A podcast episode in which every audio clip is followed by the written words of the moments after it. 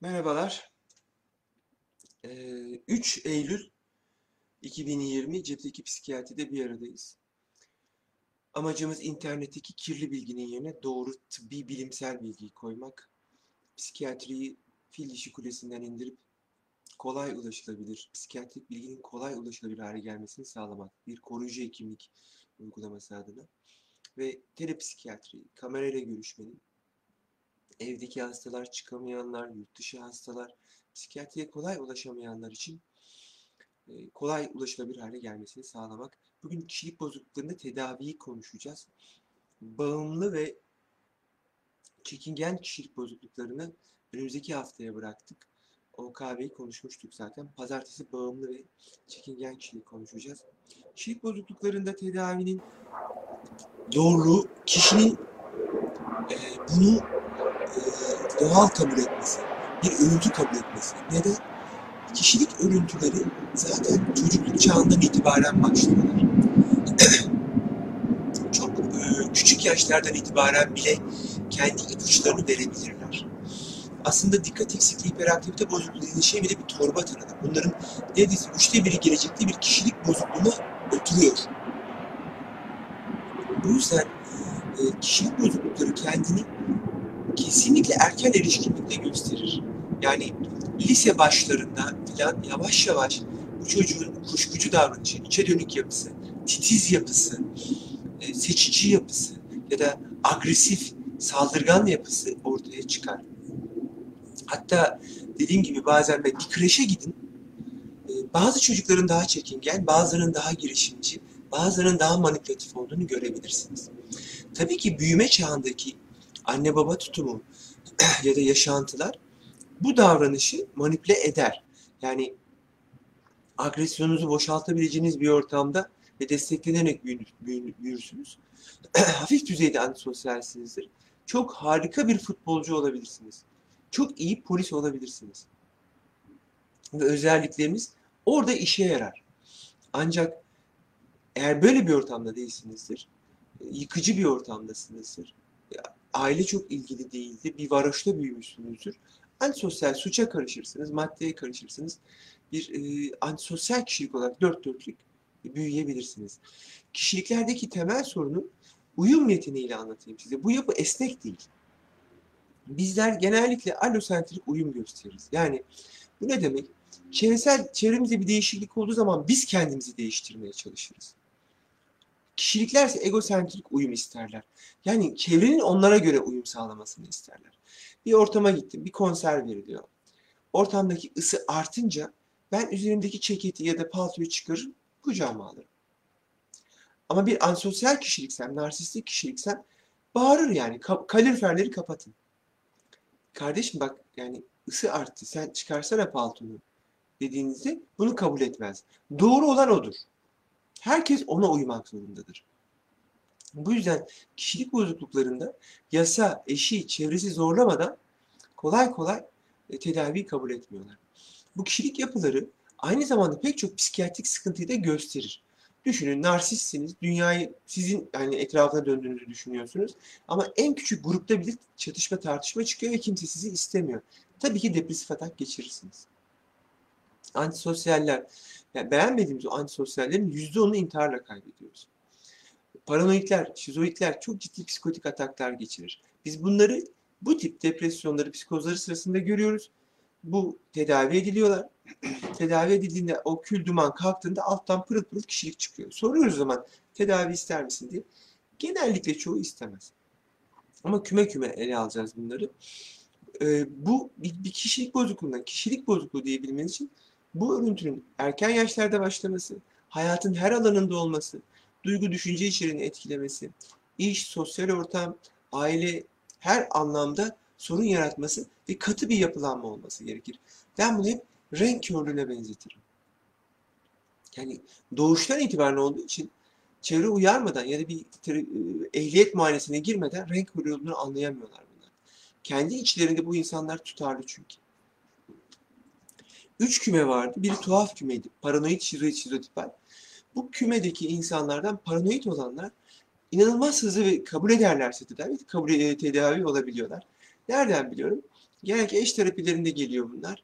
Paranoyanın, psikozun dopaminle bir ilişkisi var. Paranoyu azaltacak şekilde ilaç veriyorsunuz. Eğer kesme noktalarında iyi koyarsanız, eşini eğitirseniz 3 hafta sonra eşi geliyor. Hocam hayatımızın, evliliğimizin en güzel dönemleri ne olur ilaçları hiç kesmeyelim diye. Yani inanılmaz hızlı ve güzel tedavi oluyorlar. Şizoidler kolay kolay tedaviyi kabul etmiyorlar. Depresif ve psikotik atakları dışında. Çünkü kendi dünyalarında mutlular ve başka birini istemiyorlar. Yani görmedim çok bunu talep edenini. Mesela halen takip ettiğim, şizoid olduğunu düşündüğüm insanlar var. Ta- talep etselerdi mesela, iki kişi izliyorum hala. talep etselerdi aynı renk körü gibi orada ne yapması gerektiğini anlayamıyorlar. Down sendromda otizmde yaptığımız eğitimleri yap- yapıyoruz.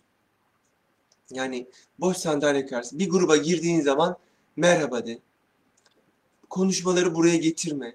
Kendinden çok bahsetme gibi temel talimatlar, temel kalıpları hani mış gibi ilkemizi bir yıl boyunca sakinmiş gibi davran, bir yıl boyunca narsist değilmiş gibi davran gibi uyum sağlamaya çalışıyoruz. Onlar uyduğu sürece terapi normlarına, kurallarına. Stereotipler kişilikleri hatırlayın, egzantrikti bunlar. Kendileri medyum, telepati yetkileri olduğunu falan düşünüyorlardı. ben bir şizotipalin kolay kolay çevresi zorlamadıkça ya da bir psikotik depresif atak geçirmedikçe tedavi kabul edeceğini düşünmüyorum. Düşünsenize Tanrı vergisi bir yeteneğiniz olduğunu düşünüyorsunuz. Adamın yüzüne bakınca düşüncelerini okuyabildiğinizi düşünüyorsunuz. Medyumluk yapıyorsunuz. Bir sürü insan inanıyor ve bundan para para kazanıyorsunuz bundan. Tarot falı bakıyorsun filan. Yani kolay kolay tedaviyi kabul etmiyorlar. Onlar çok mutlu. Sadece egzantrik davranışlarından çevreleri çok rahatsız olabiliyor. Mutlu da olabilirler. Yani dediğim gibi bir kahve dünyasına oturup kahveyle beraber kahve falı bakabilir. Günler çok da güzel şeyler anlatabilir size. Ee, borderline narsistik histrionik küme. Şimdi histrionik küme e, çevresine eğitmek lazım. Çünkü çevrelerine çok eziyet ediyorlar. İlgi çekebilmek için özellikle e, 50 yaş üzeri e, kadın hastalarda yani çocuklarına, eşlerine gerçekten eziyet ediyorlar. Sürekli hastalar, sürekli bir yerleri ağrıyor, sürekli küsüyorlar. Komşuyla itişiyor, gelinle itişiyor, kaynanayla itişiyor. Çevreyi bu kadar aldırmayın. Biraz görmezden gelin. Küsmede biraz yani çevresini eğitmek gerekiyor burada. Psiko eğitim dediğimiz şeyin sadece kişiye değil, çevreye de anlatılması lazım. Ee, ve bu kişileri birazcık histrionik kişiler için söylüyorum. Hani çok e, alevli, çok girişken tutmamak lazım. Gerçekten e, o canlı oldukları dönemde çevrelerinin e, ensesinden kan alıyorlar. Yani çok e, acı çektiriyorlar. Narsistik ve borderline'ların tedavisi birbirine benziyor. Bunlarda yaşadıkları borderline'da çok daha yoğun ilaç gerekir. Borderline ilaçsız tedavi etmek çok zor. Çünkü borderline'ların mutlaka madde öyküleri oluyor antisosyaller gibi. Ama e, bu ikisinde e, şema terapi ve kabul ve kararlılık terapileri çok işe yarıyorlar. Yani kişi kabul ederse historik narsistik borderline'lar genç bir historik kişilik olduğunu düşünün. Kişi kabul ederse e, ilaç artı şema terapi, ilaç artı e, kabul ve kararlılık terapileri gerçekten işliyor, işe yarıyorlar. Bunlar şemalarını değiştirebiliyor. Yani mihrap yine yerinde ama en azından onların o kutsal mabetlerini, o dokunulmazlıklarını yıkabiliyorsunuz. Uyum sağlayabiliyorlar. Çok e, ilginç e, ilginç derecede e, dönüşebiliyorlar. Bir de bu konuda erken erişkinlikte çıkıyor bu konular. Yani çok hızlı tanı koymamak lazım. Ben e, lise son sınıfta yaklaşık 17 yaşında e, odasına bu Amerikan tarzı işte kucak dansı yapanların yaptığı gibi direkt dikmeye çalışan, dövmeleri olan, e, alkol kullanımı olan bir kızımızı hatırlıyorum. Çok böyle tereddütte kalmıştım. Hani afektif mi, ergenlikle ilgili sorunlar mı, borderline mı, hepsi birbirini mi tetikliyor diye. En sonunda galiba borderline diye birlikte karar vermiştik danışanla. Bu. Fakat şu an aradan 10 yıl geçtikten sonra bu kişi öğretmen ve pırıl pırıl çalışıyor. Hala uçuk kaçık tarafları var Ama öğretmenlik yapıyor ve bir borderline'da asla beklemediğimiz bir nesne sürekliliği var. Bir işi, süreci takip ediyor ve faydalı oluyor. yani bu kişiye hemen bu tanıyı koymak, yapıştırmak, etiketlemek makul değil. Özellikle takip ediyorsa. e, tabii ki yaş ilerledikçe kişilikler yassılıyorlar. Çok daha uyumlu davranıyorlar ya da çıkar karşısında uyumlu davranabiliyorlar ya da uygun bir deşarj noktası buluyorlar. Dediğim gibi hafif düzeyde bir antisosyal ve futbol fanatine dönüşüyor. E, hafif düzeyde bir borderline, turizmde animatör oluyor. Tam onun işi. Sürekli insanlar, sürekli ilgi çekme ya da narsistik kişilik. Dans hocası oluyor. Turizmde animatör oluyor. Sanatçı oluyor. E, tam onun işi yani. Tam onun yapacağı işler. Bunun gibi yani bu kişilikler illa kötü değil. Kendi alanlarını bulduklarında da kendi alanlarında harikalar yaratıyorlar. Bizler kostüm giyip günde 16 saat sıçrayamayız yani. Ama bunlar bunu yapabiliyorlar. Bu yüzden e, bu kişilerde iyi bir e, iyi bir ilaç yaklaşımı, iyi bir e, şema terapi ve ondan sonrasında hayatın düzenlenmesi, uygun meslek ve uygun eş seçimi inanılmaz önemli. Yani şizoid kişilikte e, yine bu hafta e, konuşurken e, bana kurduğu cümle şu. Bir insan niçin cinsel istek duyar? Ya bir insanla niye bu kadar yakınlaşırsın? Hani çocuk için falan olabilir bir kere iki kere ama niçin bu kadar talep oluyor buna? İyi anlayamıyor. Şimdi genç bir erişkin erkek bu. Siz bunu e, libidosu normal ya da yüksek bir kadınla evlendiremezsiniz. Yani bu konuda uyarmanız lazım o kişiyi. Sen eğer hayatını kuracaksan hani biraz senin gibi e, daha e, az iştaha olan biriyle yakınlaşmalısını e, bunu anlatmanız lazım. Ki bu insanlar çok. Şizoidleri hatırlayın toplumda %7 oranındalar. Kadın erkekte bir sürü var yani. Gibi gibi. Bu e, bu nedenle çekingen, bağımlı, obsesif kişiliklerde ise e, pazartesi konuşacağız. Zaten ilaç tedavisiyle beraber kognitif terapi, e, şema terapi inanılmaz işe yarıyor. Ve ciddi değişiyorlar, ciddi düzeliyorlar bunlar. Bazen hayatın kendisi bile işe yarıyor.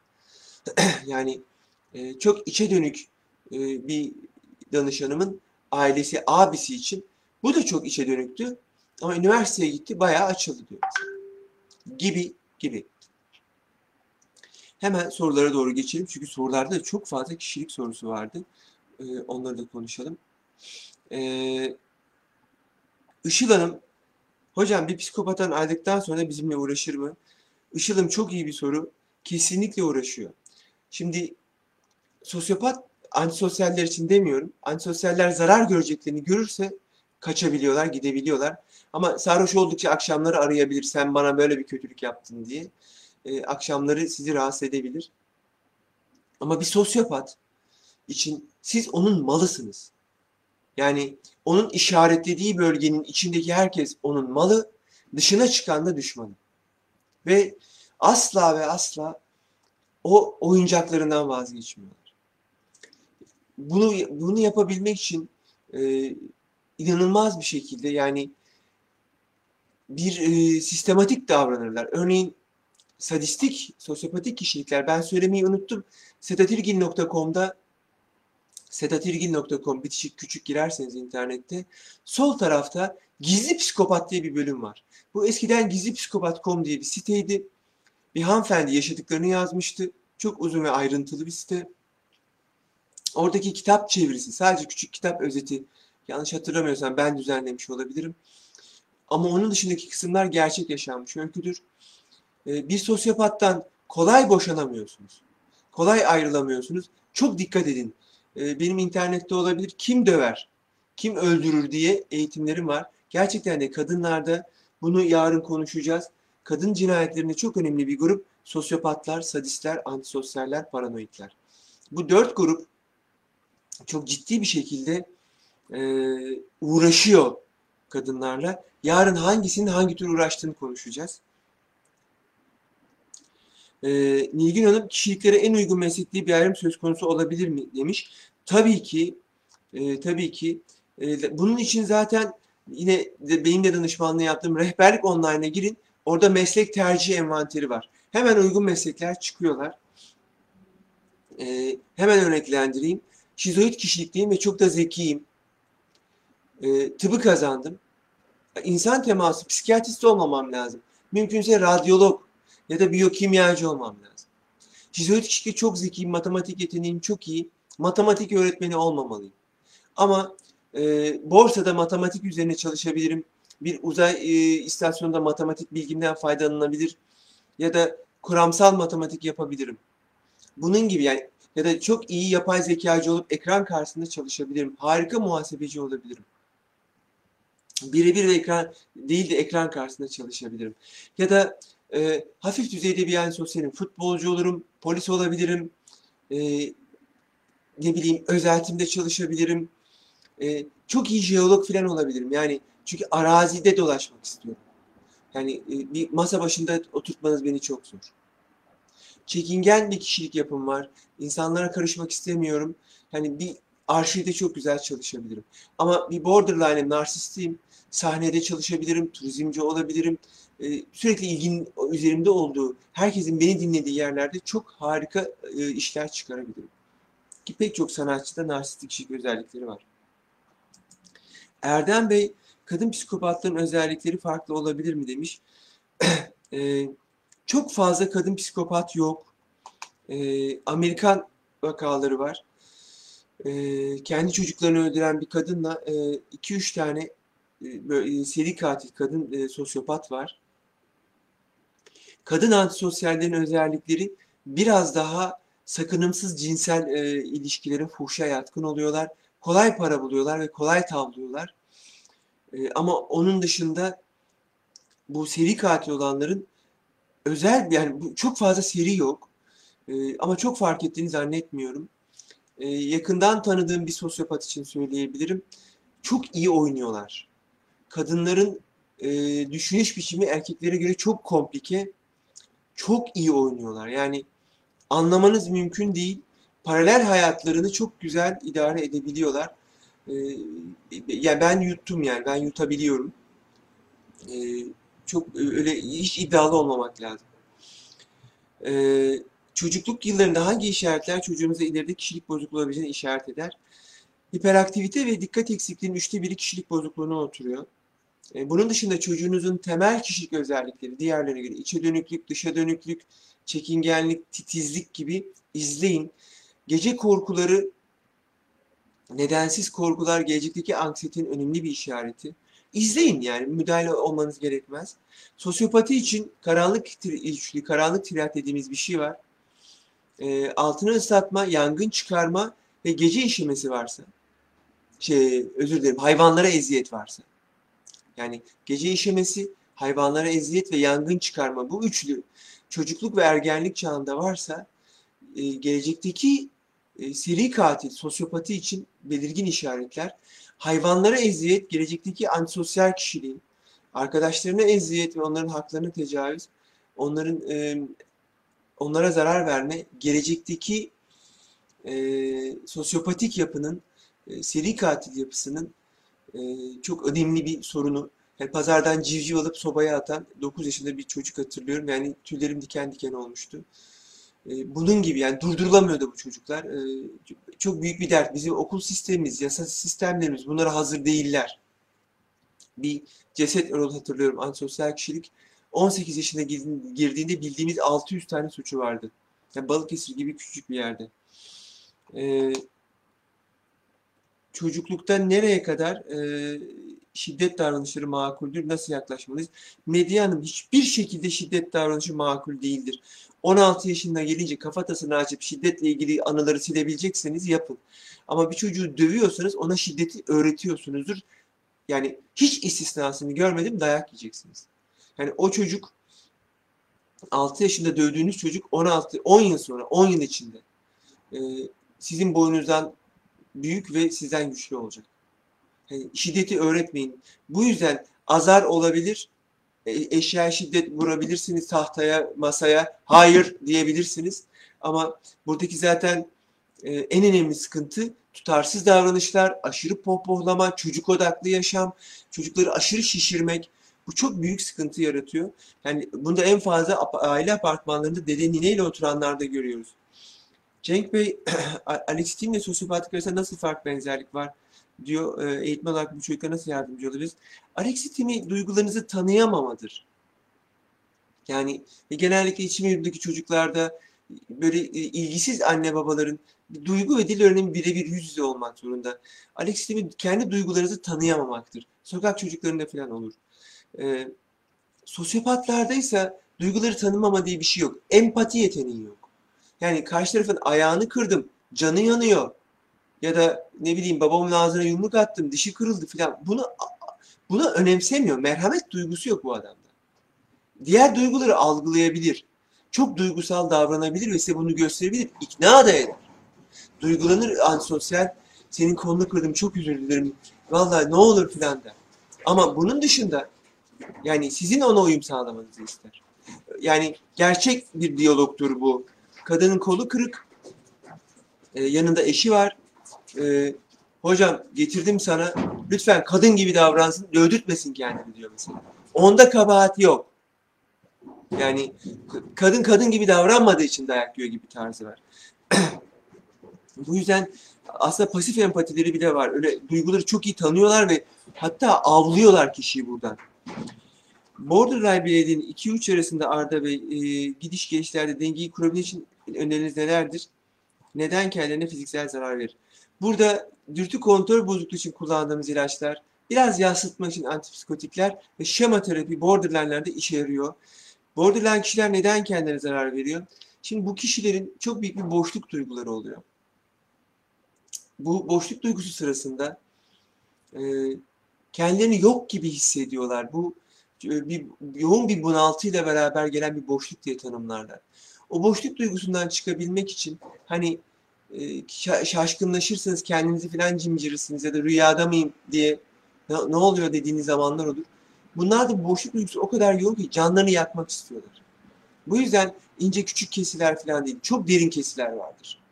Yani e, alıp el çiviyi eline batırabilir, e, bir camı alıp derisine sokabilir. Çok e, feci yaralamalar, e, serpütülasyonları oluyor. Bu boşluk duygusundan çıkabilmek için. Candan Hanım bir kişide birden fazla kişilik bozukluğu olabilir mi demiş. Zaten Candan Hanım bunu kategorizasyonlar pür olmuyorlar. Yani obsesif kişiliklerin çoğunda paranoid özellikler vardır. Tüm normal insanların birazcık narsizmi vardır. Tüm sosyopatlar, paranoidlerde hafif narsizm, ben var ya ben vardır yani. Bende bir şey var ki insanlar beni takip ediyor. Gibi. Genellikle sadece bir taraf çok baskın olduğunda bu örüntü diye biliyoruz ama genellikle yani bir parça bir parça olabiliyor. Çoğu kişilik, çift kişilik diye bir şey değil. Biz buna disosyatif kimlik bozukluğu diyoruz. Sadece iki kişilik olmayabilir. Çok fazla görmüyoruz Allah'tan. Alter kişilik dediğimiz yani literatürde 16 tane alter kişilik olan var. Ben 7 kişi ya 8 kişi olan birini izlemiştim. Ee, Fatma Hanım uzun bir yazı yazmış ve hepsini okumayın demiş. Ee, öykü şöyle e, küçük yaşta yoğun bir e, travmaya, tacize uğruyor. E, gittiği e, pek çok e, psikiyatriste gidiyor. Bir e, psikiyatrist ya da bir psikolog EMDR yapıyor. EMDR travmada çok iyi. Özellikle çocukluk travmalarında çok çok iyi. E, ve bu sırada e, kompleks bir travma diyor psikolog arkadaşımız. Ve bu sırada bu travmayı daha iyi anımsıyor. Bu travmayla ilgili e, bayağı da rahatlıyor. Fakat gittiği psikiyatristler bunu biraz hayal gibi olduğunu söylüyorlar. Şimdi burada sıkıntı var. Hipnozla yaş kirletmede anıları biz çarpıttığımızı kanıtlandı bu. Yani e, bazı şeyleri ekebiliyoruz. Olmamış şeyleri olmuş gibi hatırlayabiliyoruz. Fakat Fatma Hanım bunu hatırladığını, o, açığa çıkardığını söylüyor. Ve tacizci olan her zaman olduğu gibi ilk 100 metrede bir akraba. Bugün de e, benim konuştuğum antisosyal kişiliğin aynısı, aynısı dedi. Konuşmanız beni aydınlattı resmen. Benim sorum şu, 6 yıldır ilaç kullanıyorum ve yeni bir psikologla görüşüyorum. Doktorumun gönder psikolog ama EMDR'i bilmiyor ve kabul etmiyor. Bilsel terapilere devam ediyorum diyor. E, ben de çok değiştim. E, Sorun tekrar iş hayatıma dönüp ailemden ayrı eski bir hayat kuramamam. Ee, daha önce kemal hayatım vardı. Şu an iş arama bile çabam yok diyor. Ne öneririm? Yani e, burada e, travmanın getirdiği travma sonrası e, psikoz gibi bir kavram bile var DSM-5'te. Belirgin bulgularınız, hedef semptomlarınız, örneğin burada işlevsel, işlevsel olmamanız, yani adrenerjik bir ilaç seçerek e, önce ilaç, sonra kognitif terapi değil de yine şema ve akt ya da e, EMDR ile beraber bunları öneririm. Mutlaka bulunduğunuz kentte vardır. Yani e, bir, bir, birkaç psikiyatrist olduğuna göre küçük bir kentte değilsiniz. Mutlaka var. E, çok işe yarar diye düşünüyorum e, bu yaklaşımlar diye. E, Alice Bey kaçıngan kişilik bozukluğu ile obsesif kişilik bozukluğu bir ilişki var mıdır? E, obsesif kişiler karşılaştıkları bazı uydurmadan kaçınma giderler mi? obsesif kişilerin kaçınmasını bilemeyeceğim ama hem kaçıngan kişilik hem de takıntıları olan bayağı bir insan var. Obsesif kişilikler karşılaştıkları bazı olay ve durumlardan kaçınma yoluna giderler mi? Ee, kaçınma davranışı e, bir kompulsif davranış olarak hani sivri köşelere dokunma ihtiyacı vardır obsesif olarak ya da kirli diye düşündüğü ortamdan kaçınabilir. Çöp tenekesi olan e, bir yerden rüzgarla bana bulaşır mı mikrop diye yolunu değiştirebilir. Bu kaçınma davranışı yalnız kompulsif bir davranış da olabilir. Yani kişiye göre konuşmak lazım Halis Bey. Yani kategorize etmek çok kolay e, olmayabilir burada diye düşünüyorum. Yine kişilikler e, olduğu için uzadı. E, ana hattı da e, kontrol ediyorum. E, orada da bir soru yok. Yarın e, kişilik bozuklukları ve kadın cinayetleri arasındaki bağı konuşmak istiyorum. Çünkü bizim yasalarımızda e, karı kocanın tartışıp e, birbirine bağırıp çağırıp birinin birine kül tablası atması sinirlenip de e, sistematik 3 yıl, 5 yıl, 10 yıl boyunca şiddet görme arasında yasada ne yazık ki fark yok.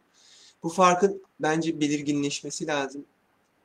Tabii ki bir kere şiddeti de önermiyorum ama hani 20 yıl biriyle yaşayıp e, hiç sinirlenmemek ona mümkün değil. Sevgi öyle dümdüz bir şey değil. Sevgi, e, sevgi EKG çizgisi gibi ilişkiler ilerliyorlar. Bazen lanet olsun filan dediğiniz olur. E, ama sadistlerin, paranoidlerin, antisosyallerin e, tarzı farklı. E, onlarla e, baş etmeniz imkansız oluyor. Gerçekten çok dikkatli olmanız ve kaçmanız ve çok e, keskin tutumlarda bulunmanız gerekiyor. Çok net davranmanız gerekiyor. Yoksa kurtulamıyorsunuz. Ee, yarın sabah görüşmek üzere. Sabrınız için çok teşekkür ederim. İlgili olduğunu düşündüğünüz kişilere lütfen iletiniz. Kendi sayfalarınıza paylaşınız. Ee, tekrar teşekkür ediyorum.